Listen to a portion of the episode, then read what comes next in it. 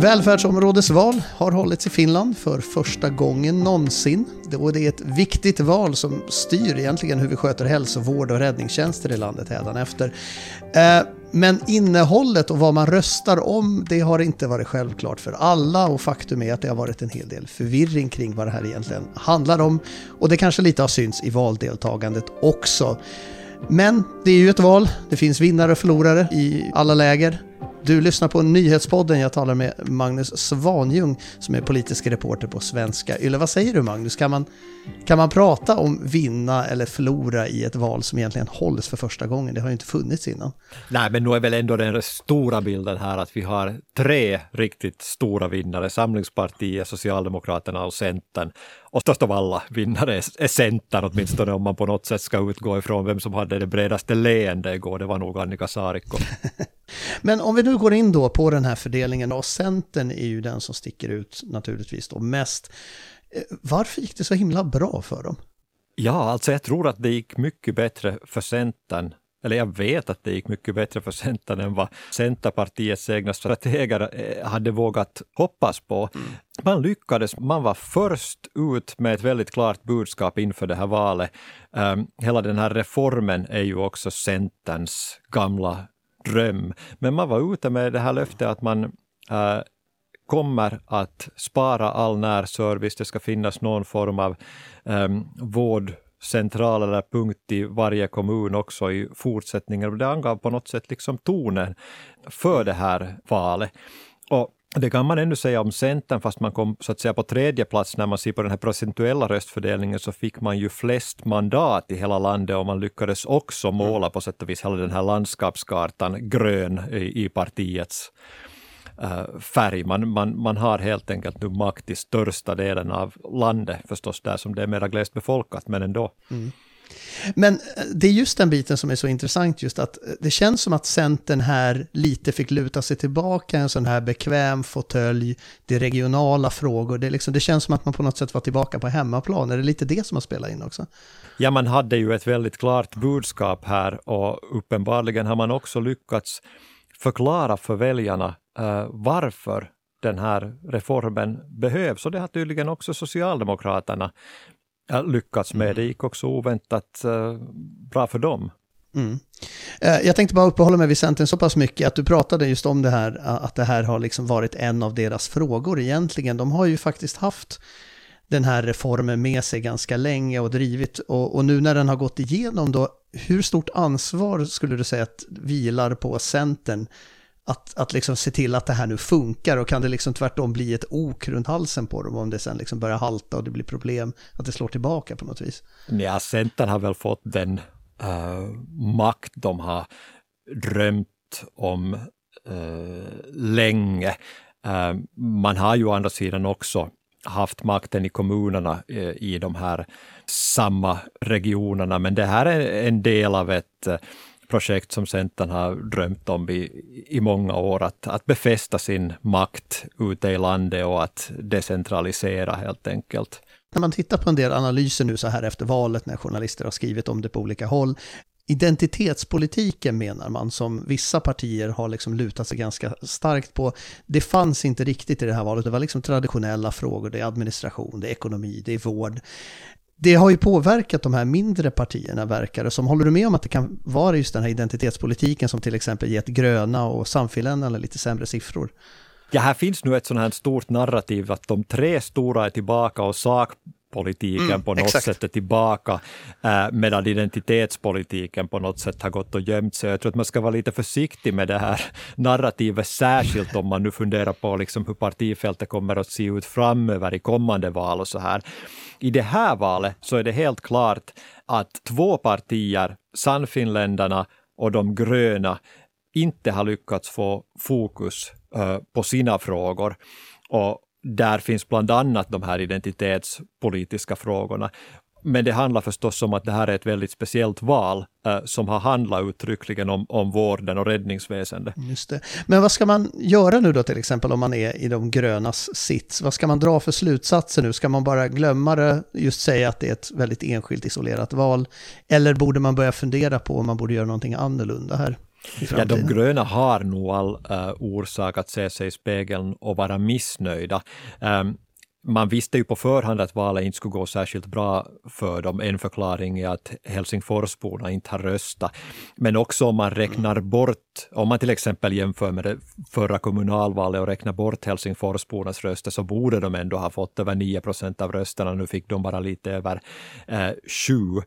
Och det här är nog ett ganska taskigt resultat när man har försökt växa till ett stort parti uttryckligen eh, också utanför de här eh, stora orterna, så det måste man ju säga att man har misslyckats med.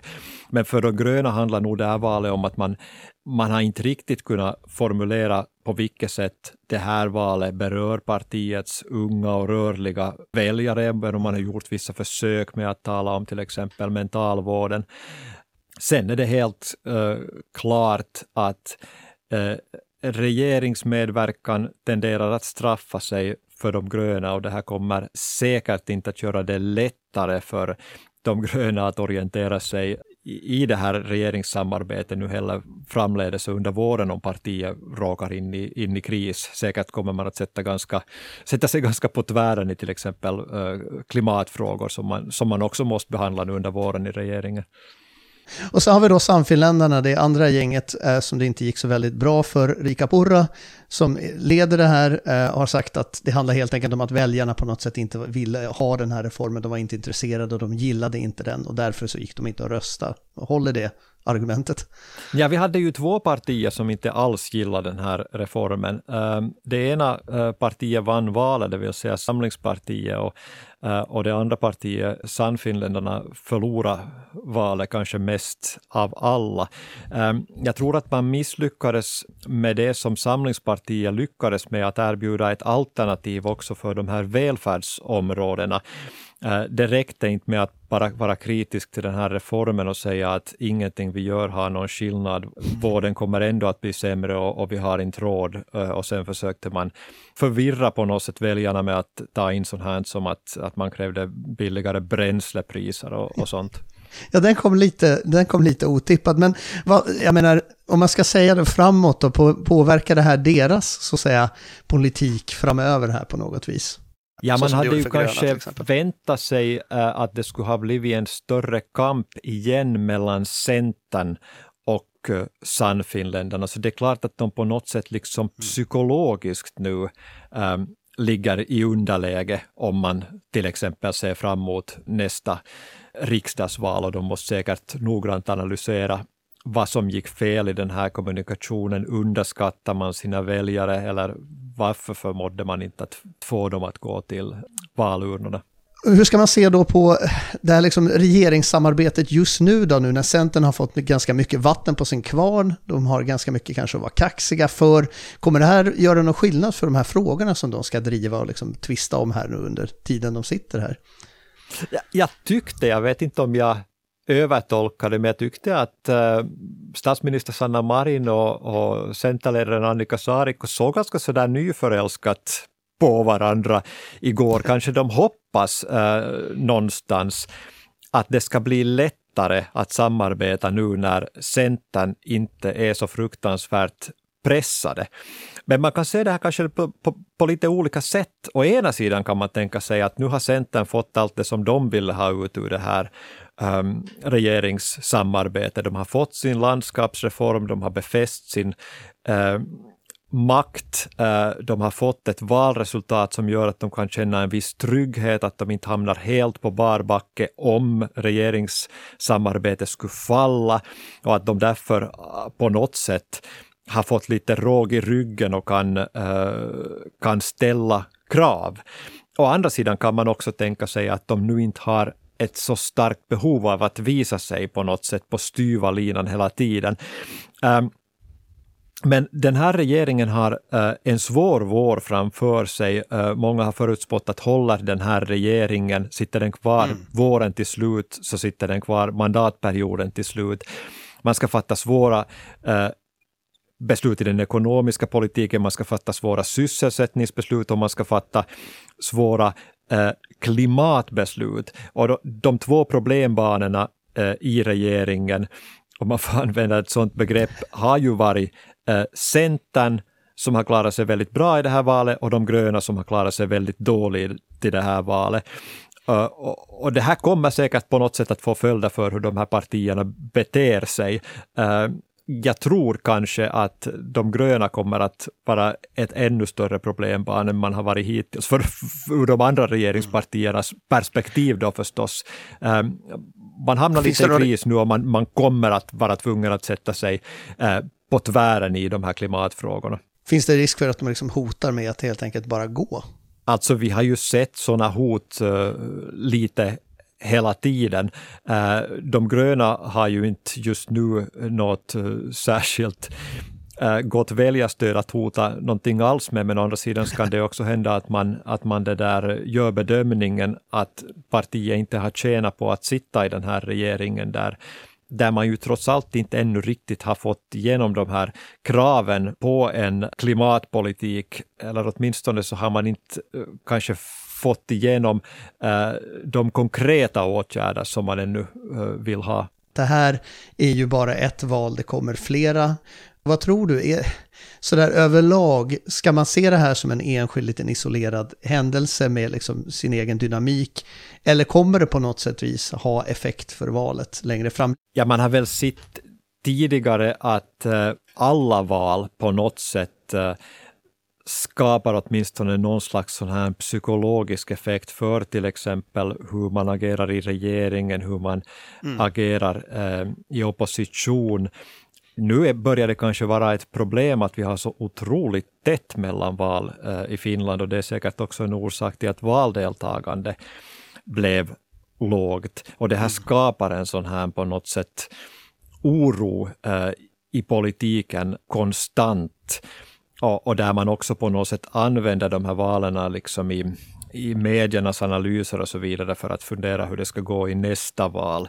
Mm. Uh, och så vidare. Men jag tror att man inte ska dra allt för långtgående slutsatser om att åtminstone det liksom politiska landskapet nu skulle ha förändrats så att vi skulle vara tillbaka någonstans i början av 2000-talet med tre stora partier och så vidare.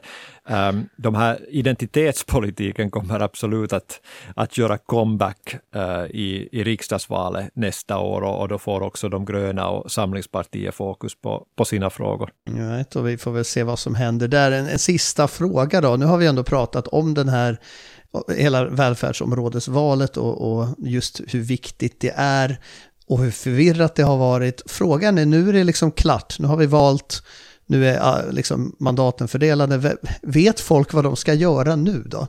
Vad, vad, kommer att hända i de här välfärdsområdena? Nu vet folk vad de ska jobba med. Ja, det får, det får, man, väl, det får man väl hoppas. Uh, först och främst, eh, uh, välfärdsområdesfullmäktige kommer kanske inte att ha så fruktansvärt många möten. Vi har hört lite olika bedömningar, kanske det kan vara fyra, kanske det kan vara sex i år eller någonting sånt. Deras stora eh, uppdrag nu blir att göra upp eh, strategier för hur servicen ska eh, fungera, hur ledarskapet ska skötas, man ska utse chefer, man ska utse en styrelse som sen får göra det här kanske mera detaljerade jobbet. Eh, och allt det här kommer säkert att ta väldigt mycket tid och det kommer att vara väldigt mycket byråkrati i början. Så jag tror att att om man nu förväntar sig att, uh, att de här politikerna från dag ett ska börja uh, skapa nya vårdcentraler eller slå samman gamla så, så har man lite för, för höga förväntningar. Vi fortsätter naturligtvis att följa upp det här sen när det utvecklar sig eftersom det här som vi just hör kommer att ta väldigt lång tid. Tack Magnus Svanjung för att du var med i Nyhetspodden. Tack. Du har lyssnat på Nyhetspodden med mig Thomas Selén. Producent för programmet var Ami Lassila. Tekniken stod Jonny Aspelin för. Fortsätt gärna lyssna på oss i framtiden också.